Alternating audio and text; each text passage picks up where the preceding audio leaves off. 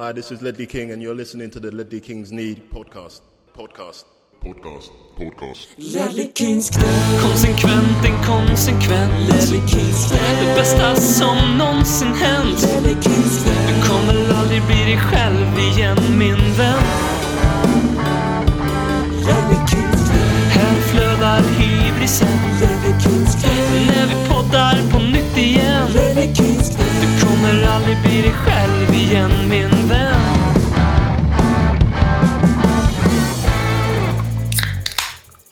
Du lyssnar på ännu ett bra jävla avsnitt av Ledley Kings knä. Mitt namn är Per Frykebrant och med mig har jag som alltid mannen som delar initialer med Bobby Mugabe, Alexander BM. Hur är läget? Är du svalare den här veckan än förra veckan? Förra veckan satt vi nakna och spelade in.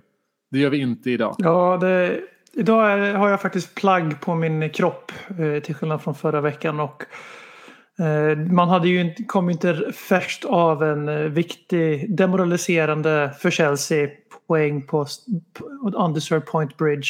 Eh, så man har ju coolat ner lite även i sin egen kroppstemperatur. Men man får väl vara ärlig och säga att främst är det väl väder som har förstått att vi inte befinner oss i Neapel utan i norra London så att säga. Mm, mm. Eh, jag tänkte, jag kollade precis nu innan vi, vi körde igång här så eh, jag på sista avsnittet av eh, All or Nothing. Eh, jag menar, har du hunnit kika igenom hela? än? Jag har inte sett detta fantastiska eh, spoiler alert då, avsnitt där de skiter på sig fullständigt sin vana trogen och eh, Tottenham tar deras Champions League-plats ifrån dem.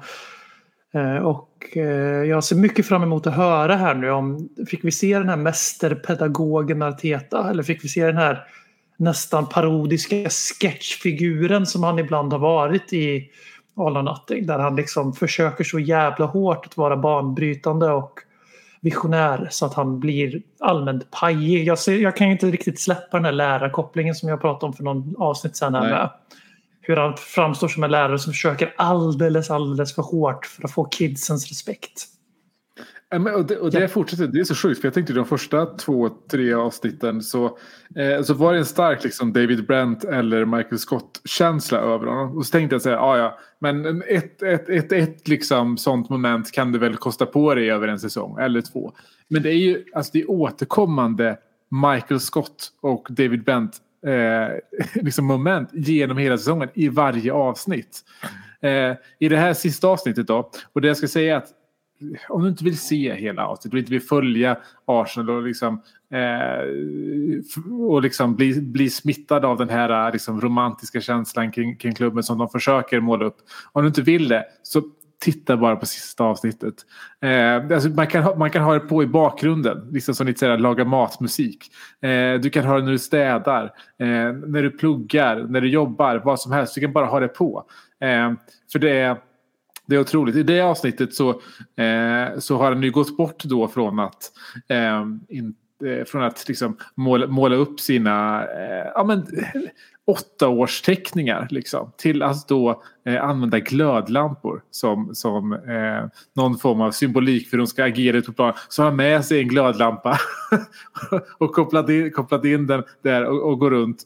Och, och jag, ska, jag ska inte berätta liksom, och spoila allt för mycket. Men det är det. Och hela avsnittet börjar ju med att eh, Ramsdale går runt och skryter eh, på träningsanläggningen om att han då eh, kvällen innan de mötte United fick, fick Cristiano Ronaldos tröja. Så han går runt och visar upp den för alla i laget. Scenen efteråt så är Lacazette på, på träningen tar stryptag på, på Cedric. Sen följs det upp av den här glödlampe eh, monologen som Arteta har inför en match. Eh, sen följs det i sin tur upp utav eh, NLD när de helt enkelt skiter på sig. Eh, som följs upp utav Newcastle eh, där Arteta efter matchen säger ah, man vet aldrig, de kanske förlorar mot Norwich. Nej, det gör de inte. Eh, men det, de försöker liksom såklart måla upp något får man säga positivt slut. Och det, det kan man ju liksom förvänta sig, det gör de ju alltid. Men här liksom, de, de bygger upp hela tiden, hela säsongen kring Champions League. Och när, när det sen försvinner, alltså de, de nämner inte det ens. Eh, de har ingenting inspelat i serien efter sista matchen när Champions League är är eh, kört. Ingenting. Alltså i Tottenhams fall, det var ju en pisssäsong, men då fick man ju sen följa spelarna. Det var, det var på någon grillfest efteråt och tacka av varandra. Så var det så här en liten avrundning. Ingenting sånt. Det enda var att man hade spelat in eh, någon sekvens med någon supporter utanför arena. Liksom. Eh, men i övrigt, ingenting. Alltså jag undrar vad som hände i den här inspelningsfasen efter, eh, efter att eh, Champions League-racet sket sig. Att de bara liksom, nej men vi tänker inte vara med mer. Att, att, att de verkligen var så pass dåliga förlorare. För det finns liksom inget material efteråt. Eh, det tycker jag är lite intressant. Det matchar ju annars både hur spelarna betedde sig på plan. Jag kommer inte ihåg vilka de... Det var Everton de tvålade dit var i sista omgången. Ja, exakt. När det liksom var meningslöst eh, eftersom att vi hade demolerat Norwich.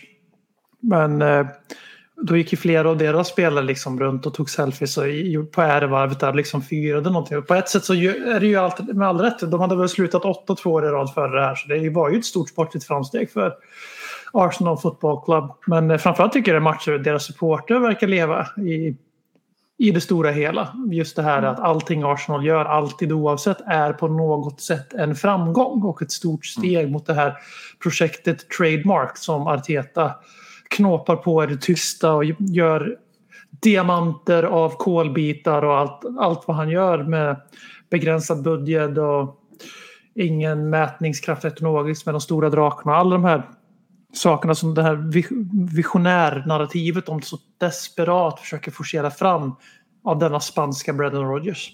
Mm, mm. Exakt. Och jag tycker, jag tycker, så här, jag tycker hela så här, Champions League-runkeriet i Arsenal också så, så intressant. För att säga, det, det är uttalat från klubbledning, från tränare, från spelare. Allting bara handlar om, om, om Champions League.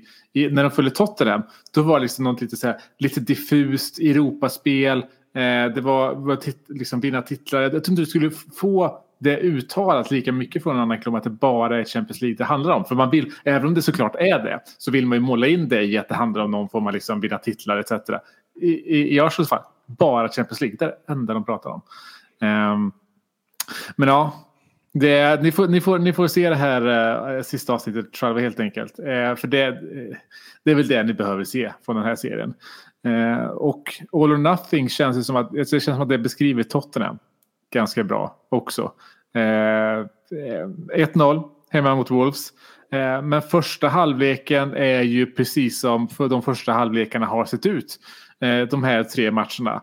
Eh, det känns liksom lite nästan alltså, lite trött i benen. Det känns som att alla säger att de ser lite trötta ut. Det är lite för många som säger att Tottenham ser trötta ut för att det inte ska stämma. Eller vad tror du? Vi, har ju, vi, har, vi vet ju att de fortfarande kör hårda pass på träningarna med Conte. Ja, men alltså det är ju någonting, det här är ju något, ett mönster vi såg redan i, i fjol under alltså säsongen. Att det, vi ganska ofta, framförallt på våren, skulle jag hävda, när, när Conte liksom på något sätt hade ändå satt ett spel, för det kan man inte säga att han lyckades göra för eh, nyår. Och så, såklart, liksom, med tanke på att han kliver in i, mitt i en säsong. Och då, I början handlade det ju bara om att få spelarna att orka springa för överhuvudtaget eh, till den mängd som, var, som krävdes av ett kontolag. Eh, nu har han ju haft en försäsong och det känns ju som en så god förklaring som alla eller andra att eh, det är de är lite nedtränade eller vad man ska säga. För vi fortsätter att vara ganska tröga i startblocken. Eh, vi är ju liksom, det är som man kan inte, vi har tagit sju av nio poäng och då poängtappet är borta på undeserved point bridge. Men att det är liksom inte bara det som är gränsen. Vi vinner, vi städar ju av Southampton. Vi borde städat av Wolves också om man faktiskt kollar på målchanserna vi skapade i andra halvlek. Så 1-0 hedrar ju faktiskt dem lite grann när allting är summerat. Men om man väger in första halvlek har vi kanske tur att vi inte ligger under. Men Vi har ju faktiskt, alltså det, är, det är nästan två expected goals i andra halvlek bara. Det är väldigt bra. Ja. Så även om vi hade haft 0-1 så hade vi spelat, så hade vi vunnit den här matchen. Även om det stod Ja, ja men precis. Eh, Men det, det, det är någonting, alltså det, för det, det, det är så markant höjning i intensitet och pressar högre upp i banan. Vi har anfallet med högre tempo. Ibland får jag lite intrycket av att han gör det här med flit, att han ser och lär lite av vad motståndarna har för gameplan när det faktiskt sätts en pipa i munnen. Och sen eh, adjust on the fly. För han verkar ju vara, han är en ganska bra matchcoach där, eftersom att det här är ett mönster. Det, här, det kan ju framstå som tur och jag tror att många normalintresserade supportrar som följer Premier League på avstånd utan att, för deras, till deras stora glädje kanske utan att ha någon här subjektiv sekterism i sig, alltså inte håller på något lag på den nivån som många gör. Där man blir liksom lite lagfärgad. Att de har också den här bilden som ivrigt påhejas av våra rivaler att vi är Ture, vi är FA darlings och bla bla bla. Den sista delen håller inte de, den oinsatte får vi vara ärliga och säga. Men, men man har en liten bild av att Tottenham har mycket tur sen Conte kom in. Eh, och det skapar ju kanske sådana här matchbilder, kanske skapar den illusionen av Tottenham som ett lag som har tur. Medan jag får, mer in, jag får mer ett intryck av en maskin som tuggar igång och lägger i en växel när matchen, när matchen, när matchen behöver det. Liksom. Men eh, självklart i en ideal värld så skulle man ju kanske gärna se att vi börjar matcherna med samma intensitet som vi avslutar dem. Men då ska vi också komma ihåg att när vi ställs mot City, eh, Arsenal i våras, när vi ställs mot, på Anfield mot Liverpool. Då är det ju ingen jävla 45 minuters startsträck utan det är ju, om vi ska vara helt ärliga, oftast mot lagen som vi så att säga ska slå. Som det kan ta en liten stund före vi tuggar igång. Mm.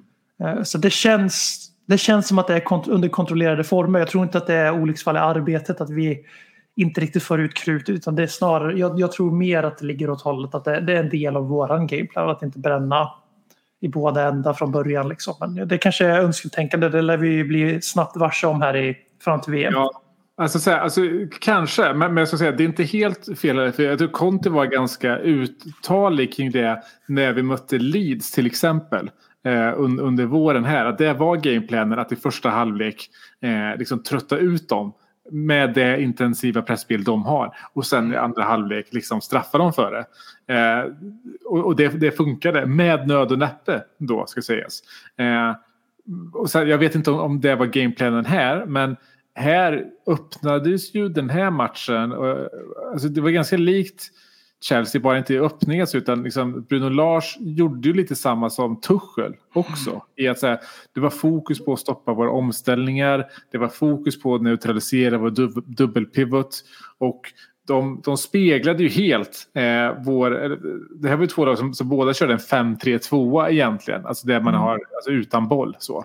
Eh, och det här väldigt breda liksom, spelet som som Tottenham har och, och, som då också till viss del Wolves hade i den här matchen. Men det, det sätter ju en enorm press på, på innermittfältare. Eh, och det var ju eh, både Moutinho och Neves ja, klasser bättre än, än vad Bentancur och Höjbjerg var i första halvlek. Eh, det, eh, det det, det, det, är svårt att komma runt det. Alltså, vi, vi, vi kom ju inte vi, vi kunde inte spela upp från, eh, från backlinjen eh, utan att ha våra, våra, våra dubbelpivoter. Vi lyckades inte, ja, vi lyckades inte göra det. Eh, och då vek Emerson in i banan istället eh, och, och agerade som någon, någon extra in i mittfältare i uppspelningsfas. Men, och det hade kunnat funka genom att liksom ja, vara en, en man mer där helt enkelt. Men Dyer slog ju bara sina såna här långbollar. Och det var väl en stor besvikelse generellt över den här matchen. I att vår försvarslinje var väldigt dålig på distributionen under den här matchen. Så att på lång sikt tycker jag att det finns ett väldigt starkt case för en, för en eh, Longley framåt här. Eh, men vi hade liksom, nu, nu är vi fortfarande inne på första halvlek men vi hade en bra första presslinje lite grann. Mm. Med Kane backar ner som tia för att liksom neutralisera deras dubbelpivot med, med, med Moutinho och Nevers. Eh, och, och, och eh, Kulusevski och där framme. Men grejen med en sån här 5-3-2 eller 3-5-2 eller 3-4-3 vad du nu vill, vill kalla den beroende på vem som har bollen. Det blir ju så, så extremt stora ytor bakom första presslinjen. Liksom. Eh, och där hänger det så mycket på vår dubbelpivot än en gång med Bentancourt. Framförallt som liksom är den som lägger första pressen efter första pressen så att säga.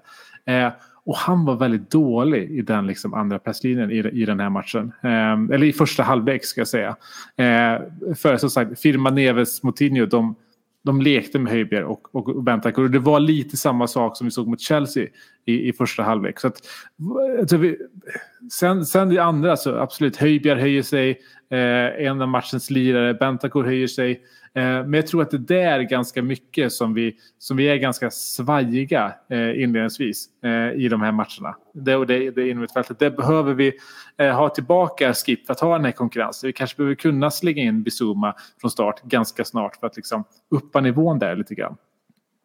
Men sen, sen, sen löste vi ju liksom den, den fasen ändå i andra halvlek. Alltså vi, och hela alltså uppspelsbiten. Vi, eh, vi flyttar ner Hö, Höjbjerg i, i, ner i backlinjen och så spelar vi runt deras första press istället. Eh, och jag har ett mycket bredare spel i, i andra halvlek med, med Kulusevski som liksom slickar kanten ännu mer. Sådär. Så vi löste det ju. Eh, men det är, liksom, det är en sån liten hang-up jag har eh, efter de här tre matcherna ändå. Ja, och en annan hang-up som är, den är svår att komma ifrån det är att en, det, har, det här har varit tydligt länge. Det ju, men det är ju att lag lämnar gärna våran högersida. Eh, Alla lag är ju mycket medvetna om att eh, kontralag använder kanterna väldigt mycket för att vara modern fotboll så att säga. Även om vi ser en ganska tydlig rörelse till att återgå till kantspel i, även i den moderna fotbollen. Eh, Och där är det ju så att det, från början var det inte så konstigt kanske när vi hade, bara hade Emerson och sen Son på andra kanten så att säga. Att man neutraliserar Son. Att man lägger krutet på att stänga ner Sons kant.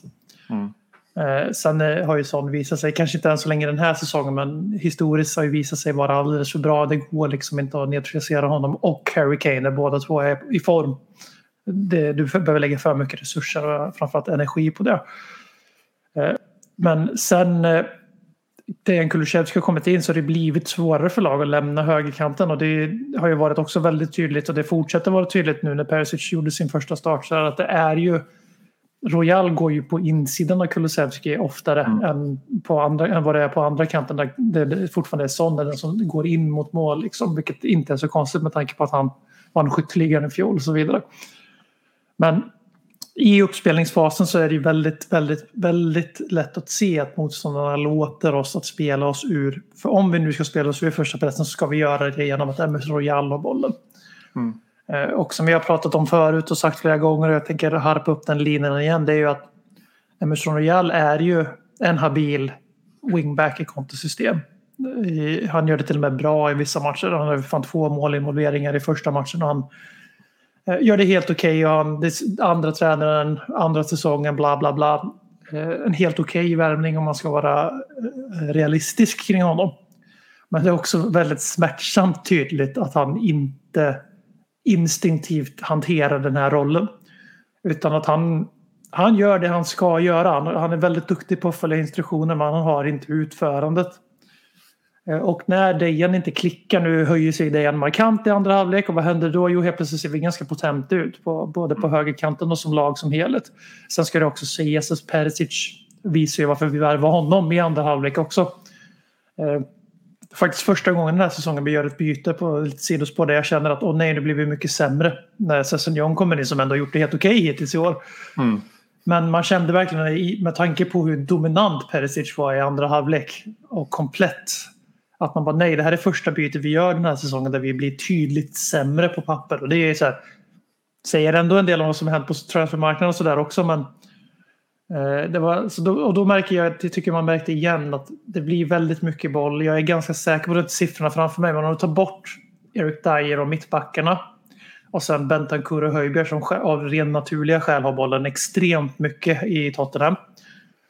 Så om vi tar de så kallade offensiva pjäserna kan vi säga, ytterspelarna och så Kane och så, eller Kane menar jag. Då är jag relativt övertygad om att Emerson Royal har överlägset mest bolltouch av alla andra på planen eh, som inte är våra mittbackar i matcher vi har bollinnehav. Och det är ju by design och motståndarna. Det är ju inte han som är så förträfflig på att eh, löpa sig ur presser eller att ta sig ur pressspel och låsningar utan det är ju för att motståndarna låter honom ha bollen. Och där fortsätter jag faktiskt förbryllas över att Jed Spence inte ens med i matchtruppen. Matt Doherty har inte gjort en minut än så länge den här Premier League-säsongen. Utan det är Lucas Moura som kommer in på right- wingbacken. Eh, Så det är fortfarande ett litet orosmoment. Och som när du säger så här att när de stänger ner Buntancourt och Höjbjerg, vilket är mycket viktigare än att stänga ner Emerson Royal, det är lite det som är min poäng. Då blir han första ut, utkanal, det är han som är första liksom, kanalen då hur vi ska luckra upp slag. Som är taktiskt drillade och skickliga med bollen själva som Wolves är. Eh, och då blir vi ganska trubbiga och ganska uddlösa. Och vi blir ganska beroende av att Harry Kane och Jong inte är i med, medelmåttig form.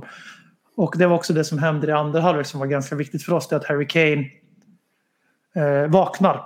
Han gör inte bara mål för andra matcher i rad utan han, har den i ribban. Han, han mobbar ju den här stackars Collins som är köpt för dyra, dyra pengar till Wolves och är en av Irlands stora framtidshopp. Alltså han blir ju helt, alltså han blir verkligen skolad Hurricane i andra halvlek. Inte bara på målet utan konstant.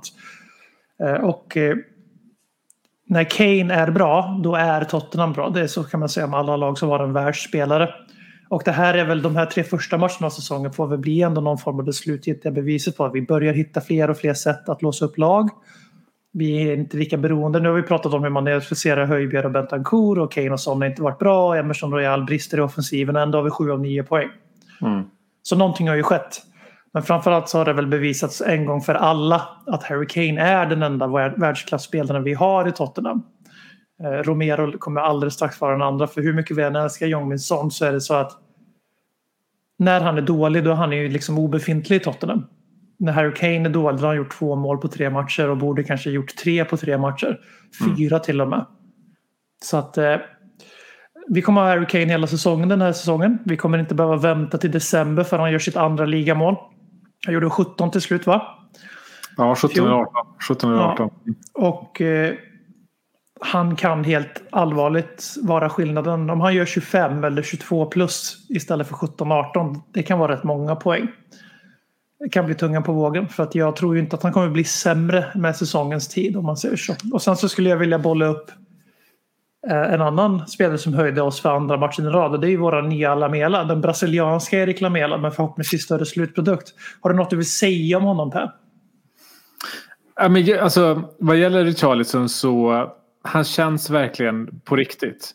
Eh, jag hade, alltså det är en helt annan Richarlison när han inte spelar i ett lag som han Som känner.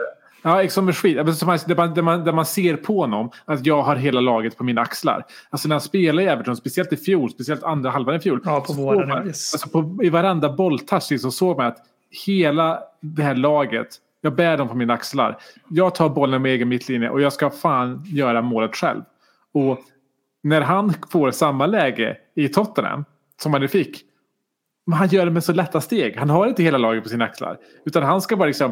Eh, sen så såg man ju det. För, för, alltså jag, jag, jag, jag ställde mig upp mitt i den där aktionen. När han gjorde den där tunneln. Ja, Eh, herregud. jag tänkte, och då såg, man, såg, man såg på själv också. Alltså, fan, jag är på väg att liksom föra vidare den här Puskas-traditionen i Tottenham. Och så kukade han ur på det. Liksom, han tänkte så mycket på det. Eh, men han... Jag var väl lite inne igår. Eh, just med att här, han har kommit in, han har förändrat. Jag ska inte säga att han förändrade matchbilden igår. För att vi, alltså, vi, vi ledde ju när han kom in. Men han, eh, han, Han, gör, han gör, minst våran intensitet. Minst. Alltså om man är hård mot honom. Absolut. Och, och, och sen så i, i Chelsea-matchen, det, det går han in med och förändrar matchbilden. Eh, så igår var jag ganska inne på att han ska nog liksom starta för Son eh, i nästa match. Eh, och samtidigt är det så här. eh, om, om vi likställer Son och Cade med, med Mané och Salah. Eh, vilket jag tycker är ganska rimligt att göra. Du, Ja. du, bänk, du bänkar ju inte Mané för att han har varit dålig i tre matcher. Alltså man, kan, man kan inte göra alltså du, du kan rotera ute. Det kan du göra, men du kan inte bänka det. Och därför är jag så här, jag hade gärna sett, alltså rent sportsligt, han förtjänar att starta nästa match. Ja, det gör han, verkligen. 100%. Men jag är lite osäker på om man kan bänka honom. Eh, det, är liksom, det är det som är mitt, mitt, mitt enda lite frågetecken. Men jag, jag är, är extremt imponerad av Charleston så här, långt. Eh, och han visar ju framförallt att han är ett sånt jäkla vapen och, och, och, och kom in när vi leder matcher eller när vi, när vi vill döda matcher. Alltså hans eh, sätt att eh, hålla det i det är liksom. nya Lamela. Exakt, alltså, för det, det är där han verkligen har fört det. För det känns som att vi inte riktigt haft den efter att Lamela, eh, Lamela lämnade. Och, eh, för det här, du kan passa bollen till Richarlison och sen så dödar han två minuter direkt. Utan På problem. olika sätt också. Vi har inte sett den grisiga sidan så mycket än men det vet vi att han har inom sig. Och, eh, det var ju det lite Lamela blev ju en helt annan spelare i Tottenham än vad alla trodde att han skulle bli. Men just det här du ramlar in på här med att förmågan att inte bara gå in och alltid höja intensiteten. Det behöver man ju. Bara för att man försvarar en ledning så kan man inte gå ner i intensitet. Det är lite det som är dödsfällan när man försvarar ledningar. Att man vaggas in i det här handbollsförsvaret och till slut så skapas det för många situationer. Och så smäller det. Eller som jag tycker om att kalla det, José Mourinhos Tottenham. Eh, Och för det är bara att titta på Eric Dyer och eh, Ben Davis och Davison Sanchez för all del. Vi har inte släppt in en mål med honom på plan på sju timmar nu. Ja, exakt. Eh, exakt. Och visst, han är, aldrig, och kommer, han är inte och kommer aldrig att bli Cuti Romero i vår uppspelsfas. Och det är väl en till anledning till att vår högerkant inte var superpotent före det han bestämde sig i andra halvlek att jag är fan Sveriges Gareth Bale. Mm. Och eh, det, så är det. Men det har ju blivit extremt tydligt varför han fortfarande är kvar i klubben och varför han med all rätt går före Jaftan Ganga och Joe Rodon som har skeppats. För det har ju varit en debatt i alla år med Davinson Sanchez förutom hans första succéartade säsong bredvid Janne och eh, Toby. Att han är för dålig, la la la. Och han var ju direkt svag under José Mourinho och det var ju för hela Tottenhams försvarslinje just på grund av att de hade för mycket situationer och för mycket press på, alltså de menar inte press psykiskt utan ren och skär fotbollsmatchpress. Där du blir dominerad spelmässigt hela tiden och till slut gör du ett misstag för du har inte riktigt den, du är inte Cannavaro liksom. Nej. Men när, nu när han spelar i funktionellt system och han har en tydlig roll. Alltså, jag vet inte hur många fasta situationer eller höjdbollar för överlag som han är. Det är så tydligt att han är den spelaren, han är den designerade spelaren som ska gå på första bollen i alla lägen i egen box. Han går före alla andra. Han är vår alfahane i försvaret när det gäller defensiva. Ja, Och det saknar ju faktiskt Romero. Det enda han inte har som han inte är världsklass på. Det är ju just luftspelet i defensiv box. Eh, Och eh, det är ju liksom en nästan, alltså i skymundan en helt fantastisk renässans på en karriär. Där jag känner mig på riktigt helt trygg med honom som ett fjärde alternativ eller kanske egentligen ett femte alternativ då jag tror att Lenglet kommer spela är tilltänkt att ha en större roll för Tottenham än vad eh, Davinson Sanchez är tilltänkt. Mm.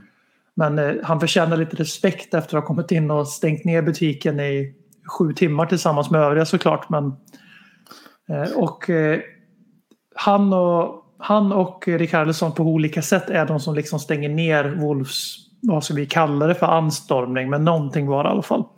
Mm. Och så slutord jag har om den här matchen det är ju att hur i helvete spelar fortfarande Ruben Neves i Wolves? Det är alltså, det, det, varje gång vi möter dem så sitter jag där och bara där har ni lösningen på Manchester Uniteds centrala mittfältsproblem.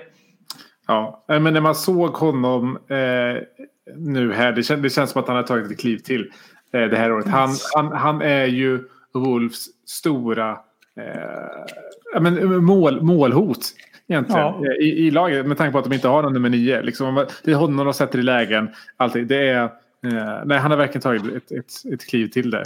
Eh, men Eh, Men jag håller verkligen- verkligen med där kring eh, Sanchez och försvaret. Alltså det tycker jag är genomgående också för de här tre första matcherna. Att försvaret ser oerhört tajt ut. Eh, inte distributionsmässigt kanske, men, men bakåt. Alltså ta målen vi har släppt in. Eh, målet på Southampton. Du kan, alltså, det finns inte så mycket att Det var säga. Det, det var det. Eh, Koulibalys mål för Chelsea. Det var det. här, det, det är vad det. Alltså är, är det någonstans jag vill att bollen ska gå så är det att den ska gå lågt mot deras två Till meter mittbacken, ja. längst ut i straffområdet. Definitivt. Alltså, det, det är exakt så jag vill att den ska komma. Eh, och sen så är det 2-1 målet för Chelsea. Det, ja, men det, det, det är Dejan som tappar sig. Men i övrigt så här, det känns noll problem i, i, i försvaret. Eh, jag tror att i första halvlek har vi åtta eller nio skottblock. Liksom. Alltså, du kommer inte igenom det här, eh, det här försvaret just nu. Eh, det är o, oerhört eh, solitt. Och därför Alltså, därför går det inte att säga heller att, att, att Tottenham eh, på något sätt har, har tur eller någonting. För att det är, det är ganska solitt där bak. Vi släpper, även om vi blir utspelade av Wolves så släpper vi inte till många, eh, eh, må- många lägen, eller speciellt mycket expected goals. Eh, så, De, har, de har väl en, de har nått en nick som är väldigt nära att smita in och den man, blir man nästan lite ställd av Just själv. just Det är fan det enda jag kommer ihåg från den matchen de skapar förutom Neves frispark som jag liksom han får lite puls. Ja, exakt, exakt. Och eh, den här nicken jag beskriver är ju det är ju jättebra inlägg och Davis stör så mycket han kan. Man kan inte bli längre än så liksom. Och så, det är en så perfekt nick.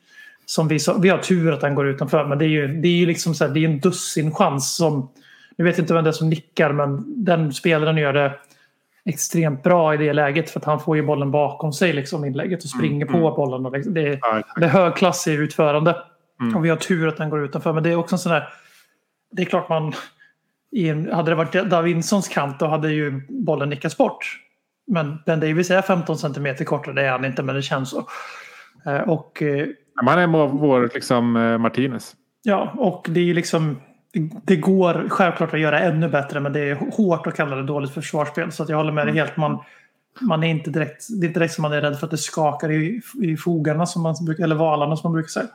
Nej, exakt, exakt. Och sen så brukar nu folk då kallas lite för, för Burnley Spurs. Eh, på, på grund av att vår fokus på defensiv. Glömmer helt bort att det är Tottenham som har gjort flest mål under 2022. Eh, så Vi har gjort, fast vi har bara gjort sju på tre matcher än så länge i Premier League. Det, Ja. det är dåligt alltså. Över två mål per match. Mm. Jävla Burnley-fasoner alltså. Exakt. Companies Burnley däremot i Championship, då kanske vi snackar Burnley Spurs. eh, men du, matchens lirare är väl ändå Gianni Vio? Definitivt. Igen. Tre matcher, tre fasta situationer, tre mål. Ja, eh, och eh, fyra poäng vunna på grund av vår nya eh, set piece coach Gianni Vio. Det är ju, du var inne på det förut, men liksom Alltså Keynes rörelse där mot, mot Collins som har markeringen på det. Alltså det är, det är ett porrklipp. Är det. Ja, alltså det är sån klass. Alltså det är... Du, du kan inte kritisera Collins där. Han kan Nej. inte göra någonting. Han, för man märker hur liksom, han har markeringen på Kane. När, när, när, eh, när hörnan slås. Eh, Kane går mot bollen lite upp i banan. Collins följer med. Och Kane ser precis liksom millisekunden innan den ens touchar Perisic. Då kör eh, Kane motrörelsen och är helt fri på den. Så, alltså, jag är 100% säker på att den var intränad. För att han gör ju rörelsen innan Ja, ja, ja. touchen. Så den är ju 100% intränad. Och ser ut att vara hur fri som helst. Men det är ju, alltså det är ju eh, sinnesbra. Man har ju sagt det att Gianni Vio har, vad är det, typ 4000 eh, eh, fasta situationvarianter. Eh, och vi har nu tre, tre, gjort tre av dem. Eh, gjort mål på tre av dem. Så att vi har liksom 3997 mål kvar här under, under den här säsongen bara, antar jag.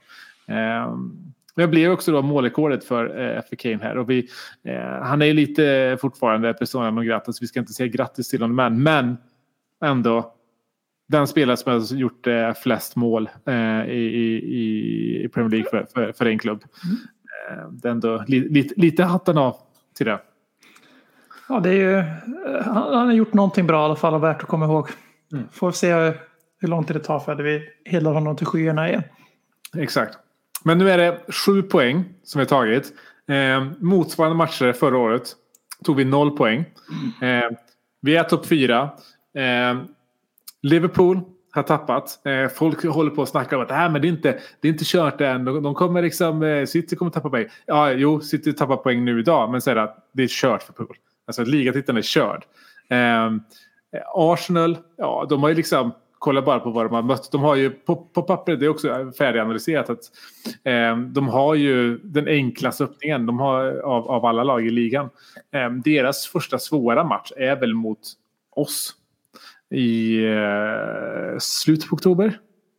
Något sånt där. Någonting sånt va? Någonting sånt. Eh, det var Bournemouth. Eh, så det, det går inte att dra några växlar där. Chelsea. Ja, eh, utspelade av Leeds. Totalt utspelade av Leeds. Eh, Conte har ju förstört Tuchel. Alltså rent, rent mentalt. Han är ju trasig. Jag har bara ett ord att beskriva Chelsea med. Det är rattled. Alltså Ja. verkligen skakade. Alltså de, de, de gick sönder. På grund av hur, hur matchen mot oss slutade. Totalt sönder. Romero dog på korset för Tottenham och det var det värt. Så länge Ja. han återuppstår som den frälsare och messias han är. Exakt. Och så har vi United i, i, i, i botten där tillsammans. Det är lite roligt för just nu är ju på nedflyttningsplats United, West Ham och Leicester. Fantastiskt, det är helt fantastiskt. Det är Jag hoppas, det, hoppas det fortsätter se ut så. Ja, men jag börjar tänka nu lite så här, när, när kan Moyes ryka? Liksom. Ja, men alltså det är, Han har extremt höga förväntningar på den här säsongen. Så, ja, men det är klart de har det. Det här är ju ett lag som... Eh, nu kommer jag inte ihåg. Blev de, nej, sjua kan de inte bli för det blev United. Blev de sexa då till och med förra året? Ja, det blev de. Sjua och sen sexa. Vi tog ju sjätteplatsen av den där i Alnatten säsongen. Nej, då blev de fan femma till och med West Ham va? Ja, skitsamma, de har Europaspel för andra säsongen i rad. Det är ju inte liksom någonting som West Ham absolut inte kan hävda att de tar för givet. För det, det kan de inte. De är fjärde störst i London. Eh, På en stretch kanske tredje störst. Historiskt är de större än Chelsea för det är ju alla förutom Fan vet de inte ens eh, Luton, Leighton Orient är större än Chelsea historiskt. Det är hå- hårklyveri. Men eh, De har värvat ganska stort. De har värvat, alltså att värva Skamacka i den konkurrensen om hans signatur som det fanns. Det är ändå någon form av intention eller sign of intention. Eh, det är ju på allvar i både Leicester och West Ham så är det ju kan det gå ganska fort för tränaren att ryka. Vi hade ju en lång diskussion förra veckan om Ten Hag och hans framtid och icke vara där är vi blir överens om att de kan nog förlora med 5-0 mot Liverpool. Mm. Och han överlever ändå just för att, eh, man, för att det går inte, liksom, man det finns ingen trovärdighet i att göra en De Boer i en klubb som Manchester United. Men det är ju mer De Boer eller Nuno än vad det är Pochettino eller Conte när det gäller uppryckningar Ja. än så länge. Men eh, David Moyes och eh, Brenton Rodgers de gör nog bäst i att låta sina agenter eh, checka läget runt om i Europa. Kanske en ny tripp till Baskien för Sir Moyes eller Senior Moyes. Långa poddar, långa poddar, långa poddar om Spurs. Och nu till helgen då. Då har vi eh, vår första nykomling vi ska möta. Nottingham som har eh, ändå hypats en del i förhandssnacket inför den här säsongen och även i början på säsongen här. Och det har ju väldigt mycket att göra med alla de eh, nyförvärv eh, som de har gjort. Och det tycker jag är lite konstigt att bara för att den här liksom, ny, upp, liksom, eh, uppflyttade laget gör massa, massa spännande värvningar så ska de lyftas som liksom det laget som absolut kommer hänga kvar. Och jag, jag, känner, jag känner lite tvärtom. Att det är snarare liksom ett, ett argument för varför de är de som ska åka ur i år. Eh, alltså man glömmer ju ganska mycket att säga att de var ju de, de, åkte ju, de kom ju upp på ett... Vi halkade lite på ett bananskal. De, de torskade ju, jag vet inte hur, om det var tre... Alltså de, de, de låg väldigt, väldigt... De låg på nedflyttningsplats eh, i, i början av, av förra Yes. säsongen i alla fall. Eh, Eh, Eh, och liksom gjorde en uppryckning där men det är ju det sämsta laget som, som, som går upp i år. Eh, de eh, hade i det laget också fem lån och varav fyra stycken var liksom startspelare, viktiga startspelare, varav en av dem var vår- Jed Spence. Eh, och, eh, så, så att, att lyfta upp dem som några favoriter på grund av liksom, eh, nyförvärv de har gjort. Då känner jag så här, har man glömt Fulham 2018 som värvade för 100 miljoner pund. Har man glömt Villa 2019 som värvade för 150 miljoner pund och skulle ha åkt ut eh, där. Eh, för nu är det, det är 16 nya spelare nu. Det är 150 miljoner pund. Och jag tyckte ju så här i början av den här eh, transferfasen transferfönstret att det såg ganska lovande ut med deras värvningar. De värvade Toffolo som var jätte, liksom, jättebra Championship-back. De tog in Henderson på lån. Eh, och sen så Lingard som lite spets på det där med, med, eftersom de samtidigt har liksom Brendan, Rod, eller Brendan Rodgers, Brendan Johnson eh, sen, sen tidigare. Eh, och sen så nu liksom, ja men lägger till en Dennis på det. Ja okej, okej då. Och sen så Gibbs White för 45 miljoner pund. Ja, sanslös. Alltså, Frå, frågan är om det är den värvningen någonsin som har liksom störst diskrepans mellan prislappen och spelaren i fråga. Alltså på förhand. Sen, Ja, sen, alltså det- sen, sen är det så att så, såklart att det är så här, en Lukaku för 100 miljoner pund är, är sämre. Men nu så är det på förhand. Är det Ja, fast så. fan, alltså fan, jag vet inte fan.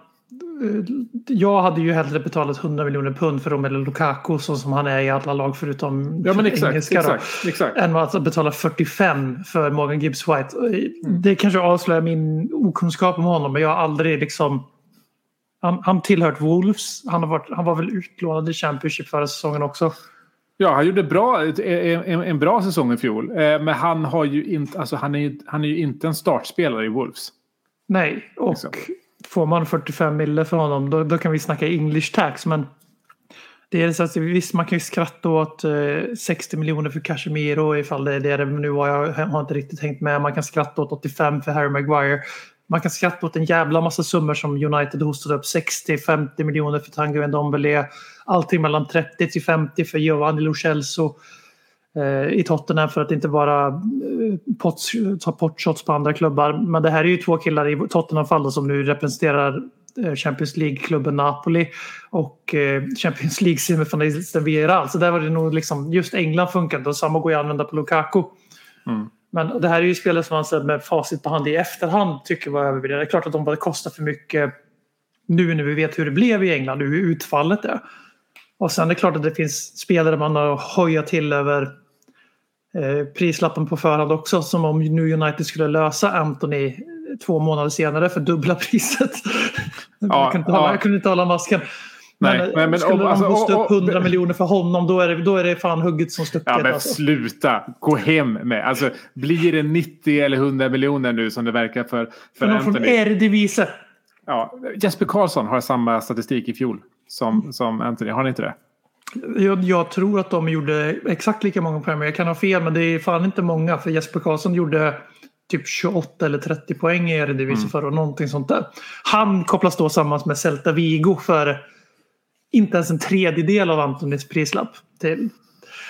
Och det här är alltså, det som är så kul här är att de försökte värva honom jättetidigt i Ten Hag-eran men ville inte betala 50 eller 60 vad det fan de ville ha då. Nu två månader senare, två ligasförluster senare så de började hosta upp dubbla. Ja. Oh, never Ja, change. men det, det säger en hel del om vart liksom värvningen av Casemiro och, eh, och Anthony kommer ifrån. Det är bara för att... Desperation. eh, ja. Say face.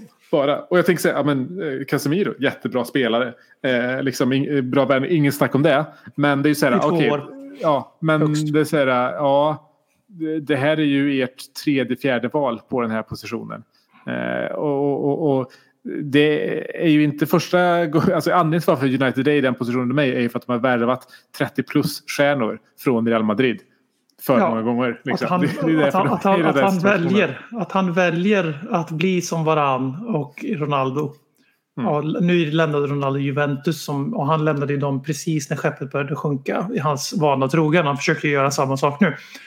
Men att man väljer bort Real Madrid, Europas kungar tyvärr. Liksom, det går inte att komma ifrån. De, hur många Champions League har de vunnit sen Bale gick dit? 12? Ja, men det känns så i alla fall. Ja, nu har jag hunnit lämna och de vann en till liksom. Då var han i och för sig kvar i, i, i Real Madrid. Men skitsamma. Att, eh, att då lämna det. Nog för att de har värvat två unga killar från eh, ligan för stora, stora pengar. Och nog för att eh, Kroos och Modric går före honom i hierarkin. Men att man väljer att lämna den situationen för Manchester United säger allt om att det här inte är sportsligt eh, eh, skäl. Att det har ingenting med ambition sportsligt att göra och det är illavarslande tecken. Eh, och det är väl lite det om vi ska hitta tillbaka till Nottingham Forest här som vi glömde bort, Robin Hoods klubb eh, från Sherwoodskogen. Är att jag får lite samma på en, på en budgetversion. Alltså på, det här är ju Manchester Uniteds transfer policy på budgetversion. Kolla för de plockade ni. Det är Dean Henderson från United. Rätt skäl, han vill, han vill peka finger till United som inte tror på honom. Lingard från Manchester United. Free transfer. Det är knappast en sportslig utmaning i Nottingham Forest som fick Nej. Jesse Lingard att gå dit. Nej, alltså, Lingard- Gibbs White 45 miljoner pund. Knappast en sportslig. Alltså det här, Nej, men Pengar- Lingard gick, ju, Ling- Lingard gick ju bara på pengar. Där gick ja, det, finns ju, det går ju inte. Finns Annars, inga- annars hade du ju tagit den där liksom, eh, ru- runt 100 000 pund i veckan. Det är lönen från West Ham. Ja, självklart. Alltså. Den enda klubb där han har bevisat sig förutom ett halvår. Nu råkade det vara ett halvår där också, men det halvåret var extremt bra. Mm. Det var liksom Dejan Kulusevskis halvårsnivå. Eh, Men det, så jag får den vibben och eh, Nottingham Forest är ju en klubb som man, jag ka- kastat ett öga till av många skäl. Men jag håller med dig helt och hållet. Jag får liksom mer Manchester United luftslottskänsla av deras bygge. Än vad jag får, oh jävlar, det här kan bli något på sikt liksom. Eh, Jag hatar att nämna Newcastle i positiv bemärkelse med tanke på vad de representerar och vad deras ägare direkt står bakom, ligger bakom och försvarar. Här i veckan var det väl någon kvinna som fick över 30 år i fängelse för, för att hon hade twittrat. Eh, Men det är ju det här att eh, de gjorde ju ett ganska lökigt första stora spenderarfönster när de blev nya svinrika Newcastle. Nu var inte Antoine Griezmann på FM och köpte Mbappé och sig själv utan det var ju Chris Wood. Det var Dan Burns. Det var Kieran Trippier. Alltså, Och ganska Brightons sportchef också.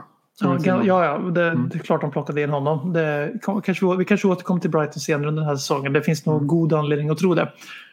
Eh, och eh, de bygger ju, och Eddie Howe nytt kontrakt. Eddie Howe också en rätt tråkig beige, kändes som en placeholder. Han, kanske, han är självklart fortfarande en placeholder och det är alla de här spelarna jag nämner också. Förutom Bruno Guimaraes som är klass och han hade aldrig gått dit utan Saudi-pengarna. Men de andra killarna hade Newcastle kunnat värva även om de inte var nyrika. För de är en Premier League-klubb, en stor klubb i en region av England där det är bara de som finns. Och Sunderland, de ligger ju fan närmare Skottland än London. Eh, och det är ju liksom ett mycket gedignare bygge. Och de gjorde det för att rädda sig kvar i Premier League. Nu kommer de fortsätta kliva uppåt för nu har de ju följt upp det med lite spetsigare värvningar. Men Forest känns väldigt mycket spänning just för the sake of spending. Och eh, jag är inte alls övertygad. Det som kan rädda dem kvar i Premier League det är ju just att jag tror att, kanske inte West Ham, det tror jag de löser, men jag tror att Leicester eller West Ham, kanske båda två, eh, kan på riktigt halka ner i en bottenstrid. Bournemouth kommer absolut vara med i en bottenstrid. Ja, men jag håller helt eh, med dig där och där tänker jag med eh, alltså, tänk på, på värvningarna. Där. Alltså, vad, för, för Nottingham. Det är ju inte att de har någon jätte tydlig sugar daddy som i Newcastle fall. Alltså de har en rik ägare. De har den här greken som, eh, som också äger Olympiakos. Eh, och han, han, köpte ju klubben liksom själv för 50 miljoner pund eller vad det var för 2017 och har lagt in en del miljoner sedan dess. Men han är ju inte den här groteskt rika. Han är, han är ju rik i liksom våra mått mätt. Han har ju liksom här, vad är det? Han är god för typ så 500 miljoner pund liksom. Och det det säger en hel del. Alltså, ja, men, gör man då värvningar för 150 miljoner pund en sommar. Det kommer ju inte från honom. Det har jag svårt att tro. Det är egna, egna lån, egna investeringar. Och därför tror jag att klubben i sig tar en väldigt stor risk. Eh, som jag inte vill se att en klubb av liksom Nottingham Forest eh, liksom dignitet ska göra. Sen kan man ställa en hel del frågetecken kring eh, den här mannen också. Han är ju liksom, var ju åtalad i Grekland för narkotikasmuggling, för matchfixning etc. Eh, så att säga, ja, hur, hur rent mjöl han i sin påse? Liksom? Vad, vad var han för intentioner bakom det här? Så jag, jag är lite orolig för det här, liksom, eh, de här spenderarbyxorna som Nottingham Forest har på sig också. Dels jag fattar att de måste göra stora investeringar med tanke på att de ja, var absolut. som gick upp. Eh, då, då måste investera mer än de andra lagen. Eh, men det här är på nivåer som inte är bra för, för någon. Sen om jag fattar Gibbs White för 45, ja, jag fattar att liksom 20 miljoner av det är add-ons. Men ändå. Det är liksom, du, du, kan få, du kan få Harry Winks för en tredjedel av den summan. Ja, lätt. Och sen så är det så att när jag, när jag ser dem spela, jag ser inget tydligt spel heller. Eh, som, som de här spelarna. För det är, det är, ett helt, det är en helt ny 11 plus bänk de ska ta in. Eh, och sådär, dra lärdomar från Fulham 2018, alltså Villa 2019, ja. Men å andra sidan, om, om man ska göra ett argument för Nottingham Forest så är det faktiskt så att är det någon säsong där du kanske ändå kommer undan med det här så är det den här säsongen. När du har liksom när du har en månad eh, i, i november, december som inte har något spel, det blir som en till försäsong. Ja, okej, okay det kanske räcker med att de liksom bara ligger nätt och jämnt på nedflyttningsplats för att de här värvningarna ska betala av sig i andra halvan av säsongen. Kanske. Så att säga. Det finns också det argumentet. Men jag såg ju dem mot, mot, mot Everton här igår och det såg ju ut som en Championship-match. Båda de lagen är... Ja, spelmässigt hänger de inte med de andra just nu. Och för att liksom knyta tillbaka till det, vilken tränare får sparken först? Det känns ju som att Lampard. Det är inte länge han har kvar. Nej, och du sa ju det jättefint här också med, med eh, Nottingham Forest och Everton att det var en Championship-match. jag hade exakt samma känsla. Men också det här som du bygger upp den här bilden av en klubb som spenderar över sina medel för kortsiktiga, kortsiktiga lösningar eller vad fan, kortsiktiga utfall, vad vi nu vill benämna det. Det är ju liksom, det är som att du beskriver Everton Football Club senaste sex åren i alla fall. Eh, mm. Men det är egentligen mycket längre än så. Det här är ju en klubb som när vi, när, eller när vi, när jag började följa Premier League då var de ju där Tottenham har varit i stort sett hela min supporttid. Jag hann ju bara med tre, fyra år med Tenfenham före vi blev top sixenham. Mm. Eh, vi har ju inte slutat utanför top 6. Vi har gjort det en gång tror jag, sedan 2005. Jag kan ha fel med en säsong, då det är två i sådana fall. Det var ju liksom Everton. De har kommit topp 8 eh, 13 gånger sedan 2002. Det året väljer jag för det är samma år som jag började heja på Tottenham. De har nått en fjärde plats och ni alla vet under Moyes liksom vad de var. Att de var femma, sexa, sjua, fyra, var med där hela tiden. Hårt arbetande, väldigt lika Tottenham, satsade ungt brittiskt och inte, kunde inte behålla sina största. Sen har det fortsatt ett tag här men det som har hänt i Everton, vilket jag får lite vibbar av Nottingham Forest, det är att de bytte en ägare 2016 till eh, Moshiri som köpte klubben av Bill Canbright. Och han var ju innan det delägare i Arsenal. Jag vet inte exakt vad hans roll i Arsenal var men han var insyltad i Arsenal precis som hans businesspartner Usmanov. Som nu är bandlyst bland många andra ryssar i Premier League. Och det har också gett en jävla käftsmäll till Everton ekonomiskt. Och det är just ekonomin här som jag ser den väldigt röda tråden mellan Nottingham Forest satsning som kommer se ut som ett genidrag om de etablerar sig i Premier League. Kanske på Evertons bekostnad. Eh, För de har en bättre tränare än Everton. Och det kommer vi komma in på alldeles strax. Här. Men man bara kolla snabbt här vad, vad jag får för vibbar av eh, Nottingham Forest. Och då väljer jag att använda Everton som exempel här. Och det är att Everton några år efter Moshiri tog över då fortsatte de bli 7-8-7. De anställde stora namn på tränarbänken som eh, vad ska man säga, climaxar i att Carlo Ancelotti kommer att ratta Everton och plockar hem James Rodriguez till Goodison Park. Det är, liksom det, det är ganska hög namnvärde på det. Liksom. Eh, tittar man lite under fasaden så ser man dock sprickorna ganska fort och ett korthus som håller på att rämna deluxe. Väldigt mycket just för att man går efter namn före idé, före tanke. Eh, Och det är för mig någonting som beskriver Frank Lampard till, alltså punkt och pricka. För att om vi först tar Everton här, då ser vi att de har värvat den isländska pedofilen, om man ska tro rykten och vad man har läst på nätet. Den här personen då, som inte fanns med i en matchtrupp på hela förra säsongen. Han kostade 50 miljoner pund från Swansea efter att vi hade sålt honom dit. Fan, var det 50 miljoner pund den kostade? 50, mil- nej, 50 miljoner euro, allting är euro här, sorry. Ja, men en- ändå. De Jävlar. värvade Charlison för 40. Sen tvingas de sälja honom till oss för max 60. För att de behöver sälja honom inför, in, vad var det inför sista juni för att rädda Financial Fair Play bokföring. Eh, så det är ju inte en särskilt stor vinst de gör på honom. Och det är det som Nej, är viktigt i Financial Fair Play, att man gör vinst på spelare om man värvar. Om du, värvas, du kan värva hur många 50 miljoner spelare som helst. Säljer du alla för 75 då kommer du vara grön där hela tiden. Liksom. Eh, Det är därför det är liksom en guldgruva av egna akademispelare som du har lagt noll pund på i övergångssumma bla bla bla. Eh, Och de har ju fortsatt på det spåret. De har värvat nu senast Onana för 36 miljoner euro. Sett lovande ut, också sett ut som en Absolut. kyckling i sina matcher. Men där tror jag de är något på spåren faktiskt. De värvade Iwobi för 30 miljoner pund. De värvade Jeremina för 30 miljoner pund. De värvade Pickford för en stor summa. De värvade Michael Keane för ungefär samma summa. Det, liksom, du förstår bilden här. Man lägger jävligt mycket pengar för att de har en engelsk pass. Har spelat i en annan Premier League-klubb. Alltså Ja. exakt det som Nottingham Forest gör. Michael Keane har ju verkligen kommit undan diskussionen av att vara Premier Leagues sämsta mittback. Eh, Mm. På ett konstigt sätt. För det är han. Han är Premier Leagues sämsta mittback.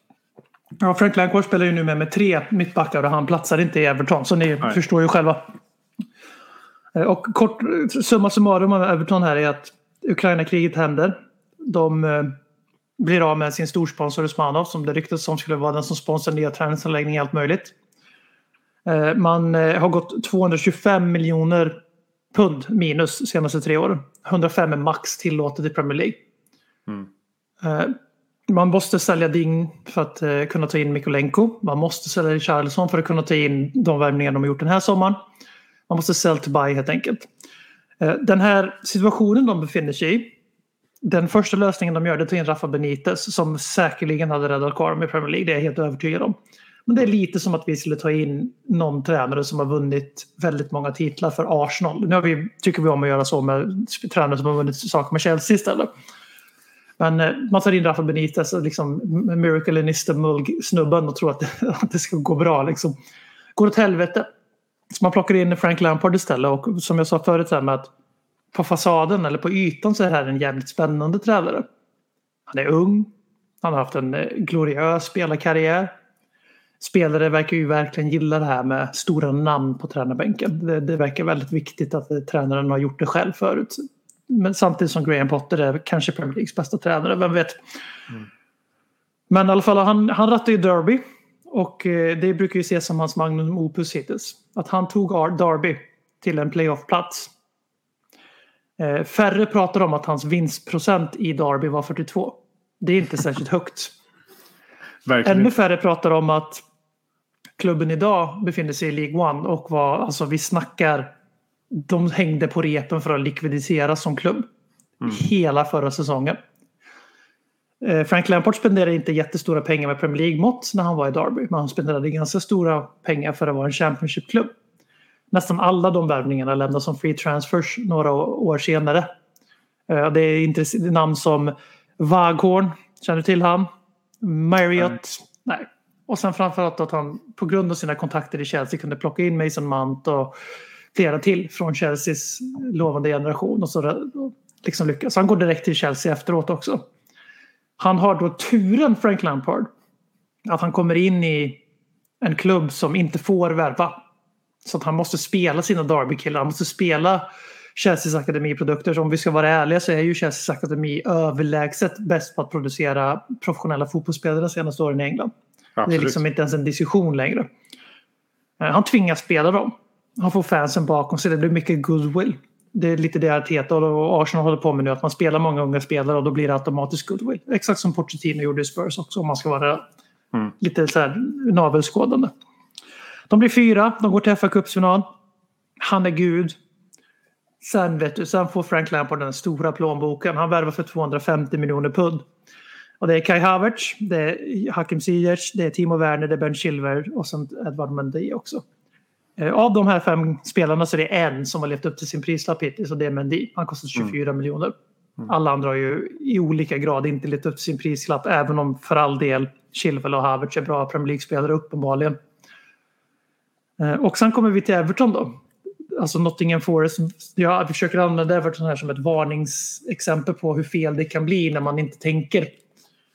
Eh, och i Everton så har ju Frank inte haft möjligheten att spendera särskilt mycket på grund av att de ligger i skiten ekonomiskt från början. Eh, jag glömde säga också att han hade 52 win record i Chelsea. Det är alltså lägre än vad, än vad Mourinho och Tim Sherwood hade i Spurs för lite kontext. Eh, också lägre än av Andreas Boas och för all del Maurizio Pochettino. Men det är liksom också, uh, olika. Han var där i en och en halv säsong, inte ja. i fem som Poch. Liksom. Så det, det, är mm. inte särskilt bra helt enkelt. Eh, i, Everton har han just nu 36. Kanske lite lägre som jag skrev där innan Forest-matchen. Eh, och det kom in värvningar. Det har varit en hel del fria transfers i sommar. Tarkovsky har varit lån från Wolves med klausuler i Cody och Nagre. De tar alltså in skräpet från Wolves som inte platsar i Wolves. Det är de som ska rädda kvar Everton. Mm. Eh, de plockar in McNeil som sett ganska vilsen ut i Frank Lampards system och sen även då Dela en transfer som kan bli 0 pund eller så kan det bli 40 miljoner pund. Det mesta talar ju på att det kommer bli max de här 10 för 20 appearances eller någon form av straffsumma som de försöker sälja honom slash låna ut honom före han når 20. Men jag vill använda Dela Lee här och Dwight McNeil som ett exempel på varför Frank Lampard är en bluff och varför han kommer att få sparken före David Moyes, före Brendan Rodgers och före kanske alla andra i Premier League. Det beror ju självklart lite på. Vi, vi vet ju inte. Alltså skulle, vi, skulle Arsenal förlora 12 matcher i rad nu då ryker ju Arteta. Alltså det fattar ju vem som helst. Men det är att han har vävat in Dwight McNeil och Dele Alli. Han sägs vara en stor, stor anledning till att de här två väljer Everton. För båda hade nog kunnat lösa någonting annat. Ali hade lika gärna kunnat gå till Besiktas förra fönstret som nu liksom. Mm. Men de kommer till Everton. De blir liksom voade dit av Frank Lampard och hans rykte som spelare. Och kanske ett oförtjänt rykte som talangutvecklare. Men det låter vi vara sagt, osagt just nu. Och vad gör Frank Lampard? Han byter spelsystem så att varken Dwight McNeil eller Delali har en naturlig plats. Everton spelar i någon form av 3-4-3 som jag hävdar ganska markant är en 5-3-1, 5-4-1, defens väldigt defensiv sådan. De har ingen offensiv spelare whatsoever. Deras taktik verkar vara att Anthony Gordon ska ta bollen på offensiv plan och springa och skjuta som att han var Bale under Andreas Boas andra säsong. Problemet, Anthony Gordon är och kommer aldrig att bli Gareth Bale. Även om Chelsea sägs vilja köpa honom för 50 miljoner pund och om jag var Everton så skulle jag tackat ja före de han ställa frågan. Eh, och det här är lite det som jag blir väldigt orolig för när det gäller Everton. För det här är en fin AD-klubb som jag vill ha i Premier League. Och nu finns det inga andra lag i Premier League. Jag valde Brighton förra året, ni som lyssnar på det avsnittet. Men Everton håller jag ganska högt och det är nog för att de är ganska lika Tottenham på många sätt. Att de har Liverpool i Liverpool och vi har Chelsea och Arsenal i London och vi ganska tydligt har varit lillebror i stort sett hela min supportertid. Liksom. Eh, så jag sympatiserar mycket med det och jag vill att det ska gå väl. Men allting som finns runt Everton, både sportsliga ledningen i sig, och alla pengar som bara gödslat ut genom åren i, i så haveri i Lyxfällan deluxe. De har en bluff till tränare som värvar spelare mest för att han kan och sen inte har en aning om hur han ska använda dem. Som forcerar fram ett spelsystem som har funkat i Chelsea som har lite andra muskler än vad Everton har. Fortsätter trots detta plocka in spelare som inte har en naturlig plats utan nu är tanken att de sadla om Dwight McNeil till tia. Och han själv säger att han har, ser sig själv som en tia medan alla vi som har sett Premier League i senaste åren har sett liksom en väldigt tydlig vänster ytter eller för all det som The Exchange brukar säga en left wingback i framtiden kanske. Mm. Man ska bli tio i Everton. De har tagit en poäng på tre matcher. De mötte Forest. De som just nu tävlar om vem som kan bli nästa Everton som det ser ut som om de fortsätter så här. Och de är riktigt jävla dåliga. Och jag tycker att det pratar alldeles för lite om risken att Everton åker ur den här säsongen. Folk lever kvar i någon form av villfarelse att Lampard kom in i fjol i en så diger situation så att det var bra av honom att rädda kontraktet. Det var inte bra av Frank Lampard att rädda kontraktet. Han räddade upp situationen som han var högst delaktig i. Att verkligen styra det här skeppet som Titanic ner mot Atlantens botten. Och det gjorde han bra. De sista omgångarna. Vändningen mot Chelsea. Nej, vilka de vände den här helt sjuka dramaten? Jag kommer inte ihåg det, men de vände 2-0 till 3-2. Det är den matchen som räddade dem kvar i stort sett. Mm. Där Ali byts in och är helt magisk. Den enda bra insatsen han har gjort Everton. det var inte mot Chelsea, men skitsamma. Och alltså så här, Everton, som vi var inne på lite, varit inne på olika sätt. Alltså Nottingham Forest kan absolut lyckas med sin hjärndöda satsning sin riskfyllda risktagning. Liksom sin, där de liksom aktionerar klubbens framtid för kortvarig belönelse. Mm. De är lite som de här råttorna i experiment som de, man ger råttorna en knapp. Det här vet jag inte om man gör i verkligheten. Det har jag sett i tv-serier. Man ger råttorna en knapp som de kan trycka på så får de orgasm. Och de bara trycker och trycker och trycker och trycker och trycker. Och nu ska vi inte tala om vad vi i podden hade gjort om vi hade en sån knapp. Men... Nej, jag tänkte fråga. Eh, jag tycker att både Nottingham Forest och Everton för att avsluta min långa utläggning här. De trycker på den här jävla gasknappen gång på gång på gång på gång. Och det är för mig minst lika troligt att båda två åker ut, om inte mer, än det att båda två håller sig kvar i Premier League. Och om de här två klubbarna åker ut med det ekonomiska läget Everton befinner sig i på grund av risktagande förut och det ekonomiska risktagande som Nottingham Forest håller på med just nu. Då kan vi ha två nya Derby Counties i engelsk fotboll ganska fort. Mm. Mm. Och eh, fotbollen, vi börjar se fler och fler sådana här exempel nu. Premier League är inte en, är inte en sustainable fotbollsliga. Det är många som kastar skit på La Liga där Betis igår hade fem spelare på bänken och sju gubbar de inte har registrerat än. På grund av att de inte har, har medel för att göra det. Och det, då ska vi komma ihåg att La Liga som ett lönetag sätter dina intäkter. Och de lönetaken är baserade på säsonger där det var covid. Därför kan inte Barcelona, trots alla sina Lyxfällan deluxe deluxe manövrar, registrera Juns Conde. Därför, kan inte, därför kunde inte Villarreal betala en krona för Lo Celso just nu. Och så vidare och så vidare. Så La Liga skrattar alla åt. La Liga är ett skämt, bla bla bla. Men om vi ska kolla på det största skämtet i fotboll just nu när det gäller ekonomisk hållbarhet. Då ska ni inte kolla längre än Premier League Everton Football Club och Nottingham Forest. För det här är klubbar som utan extremt dopade tv-pengar i Premier League och ett fallskärmssystem som räddar klubbar på löpande band varje år när de åker ut i Championship.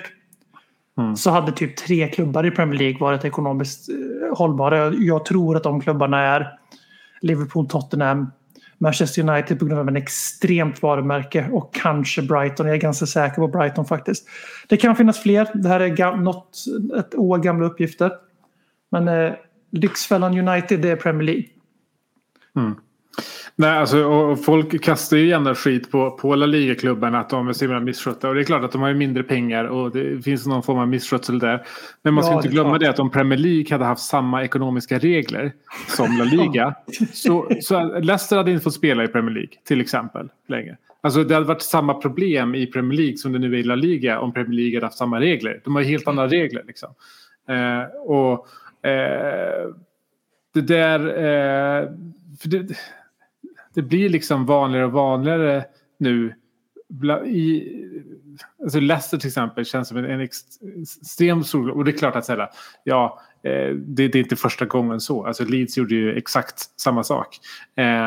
Men ta, ta nu med, med, med Nottingham. För, för problemet är som du säger, det är samma som Everton. Det handlar inte egentligen om att de inte kan spendera pengarna. Nej, nej, nej. Det handlar om financial fair play. Och eh, jag har ju svårt att se. Alltså, jag tror att de bankar ganska hårt på att de ska sälja Brennan Johnson. För mycket, mycket pengar. Och det kommer de ju såklart att göra.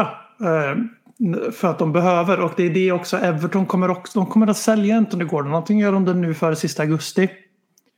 Eller så kommer de göra det i, i nästa sommar. För att, liksom, för att fiffla med siffrorna så att de blir ekonomiskt gångbara för att få elitlicens som man pratar om i bandy i Sverige väldigt ofta. Klubbar har inte fixat inte elitlicensen. Mm. Och då snackar vi en sport där det är typ tre lag som har över 2000 på matcherna. Liksom. Mm. Uh, och våran poäng här förutom att göra parallellen Nottingham och Everton och vem, vilken tränare som åker ut, uh, får kicken först. Det lär inte bli Steve Cooper men ni fattar. Det är ju det här att vi ser en fotbollsvärld där eller en Premier League-värld där ekonomin eh, den äter upp sig själv. Liksom. Man äter sin egen svans. Till slut så kommer det ju skifta. Vi vet inte vad som är, kommer vara anledningen. Om det blir någon form av att streamingtjänster tar över tv bla bla bla. Till sämre avsikt, avtal på längre sikt. Eller om klubbarna får egna som La Liga där man kan sälja delar av tv-rättigheterna som Barcelona har gjort bland annat nu för att kunna registrera spelare. Eh, men det vi ser det vi ser, liksom, jag, ser ju, jag ser framför mig liksom någon som springer med ögonbindel rakt mot en tegelvägg. Och tittar ner på fötterna samtidigt också trots att de har ögonbindel på sig. För att det är så jävla mycket viktigare att vara med i Premier League än att vara ett liksom framgångsrikt fotbollslag av så många olika skäl. Vi kan kasta in United här också men vi ska inte göra en två timmar lång podd. Eh, och eh, om jag vore Everton-supporter så hade jag haft ångest varje dag. Inte bara för att vi sportsligt är miserabelt usla eller ekonomiskt sköts jävligt dåligt. Utan för att liksom, man ser ingen vändning någonstans. De håller på att bygga en asfin ny arena i liksom hamn i Liverpool. Det kanske inte är det bästa att ha på sin framtidskalkyl när det gäller bokföringen. Om man åker ut i Championship. Och alltså helt ärligt nu, där diskussionen börjar. Det är ju att det som kan rädda Nottingham Forest kvar, som du höjde en varningens flagga för då, det är ju att Everton är ännu sämre. Och mm. det, är, det, det är mörka dagar ahead, eller dark days ahead på Goodson Park tror jag. Jag, jag, eh, jag skulle nog vilja slå fast att de, de åker faktiskt ur, ur i år. Jag tycker i fjol, jag tror också det. I fjol kunde man kolla på truppen och sen att säga, nej, men de, de, här, de, kan, de har ändå möjlighet på pappret att vinna. Liksom, de kan ta de här poängen egentligen varje match. För att de ja. har en Richarlison, de har en Exakt. Lucas Digne som hade i alla fall halva säsongen. Eh, nu tittar jag på pappret och de är alltså, klasser sämre i fjol. Eh, och de saknar sin, eh, alltså den viktigaste positionen för dem, en, en stark nia. Det, det saknar de helt. Eh, så jag, jag, tror att de åker ur. Eh, Lampard lär ju få kicken först och frågan är om det inte Eh, det skulle kunna bli Rooney som ersättare för han hypades ju upp och så gick han istället till DC United och tänkte ja men det är ett klokt val. Han, liksom, han gör inte det Gerard Dampard-valet, han tar liksom den lite långa vägen. Där. Mm. Ja, var, var, står han då? En poäng på fem matcher, noll mål, elva insläppta. Senast är 6-0 mot Philadelphia. Han ryker snart där också. Så den här liksom, eh, eh gyllene generationen av engelska tränare som media vill få till att det är Lampard, Gerard och Rooney. Det är ju själva verket Eddie Howe och Graham Potter. Men det, det kommer nog ta ett tag innan. Brendan Rodgers får man väl ändå lov att säga även om han kanske inte lyckas ta sista steget i två klubbar så det är ändå rätt fina resultat. Men jag förstår hur du kommer. Ja, jag han är inte engelsk. Nej, där har du en väldigt bra poäng. Ja, Nordirländare ja. va? Ja. Ja, då, då stryker honom direkt. Steve Cooper ja. är engelsman då. Där är han trea på listan och då vet man på en ja. gång att om Steve Cooper som hade en otroligt bra vårsäsong i Nottingham Forest mm. som räckte hela vägen till playoff om han är trea på engelska generation, då, då, då är det generation, mörkt. Då är det mörkt. Då, då har fan Sverige bättre välbeställt. Ja, ja. Det är bara in med Poja. Poja till Everton, ja snälla. Om Poja kommer till Everton då åker jag och Per dit och ser en match med varsin matchtröja. Poja 69 båda två. Alltså helt omöjligt är det ju inte. Ja, det är helt omöjligt är det fan. Ja, alright. Eh, vi säger väl så. Eh, vi får se hur det går mot eh, nedflyttningshotade Nottingham Forest nästa vecka. Jag, jag känner att eh, vi har väl gjort eh, en ganska rejäl jinx här ändå. Ja. Så det lär ju bli torsk. Ändå. Given förlust. Men det, det har vi ändå sagt. Tottenham har jobbat sig ihop till en förlust nu. Budgeterat för det. Eh, så det, det, är ingen fara på taket om det skulle vara så. Vi, eh, vi kommer igen. Andra har redan gjort bort sig den här säsongen. Eh, men med det så tackar vi väl för oss och eh, vi hörs igen nästa vecka. Ciao tutti. Konsekvent, inkonsekvent. Det bästa som någonsin hänt. Du kommer aldrig bli dig själv igen min vän. Här flödar hybrisen. När vi poddar på nytt igen. Du kommer aldrig bli dig själv igen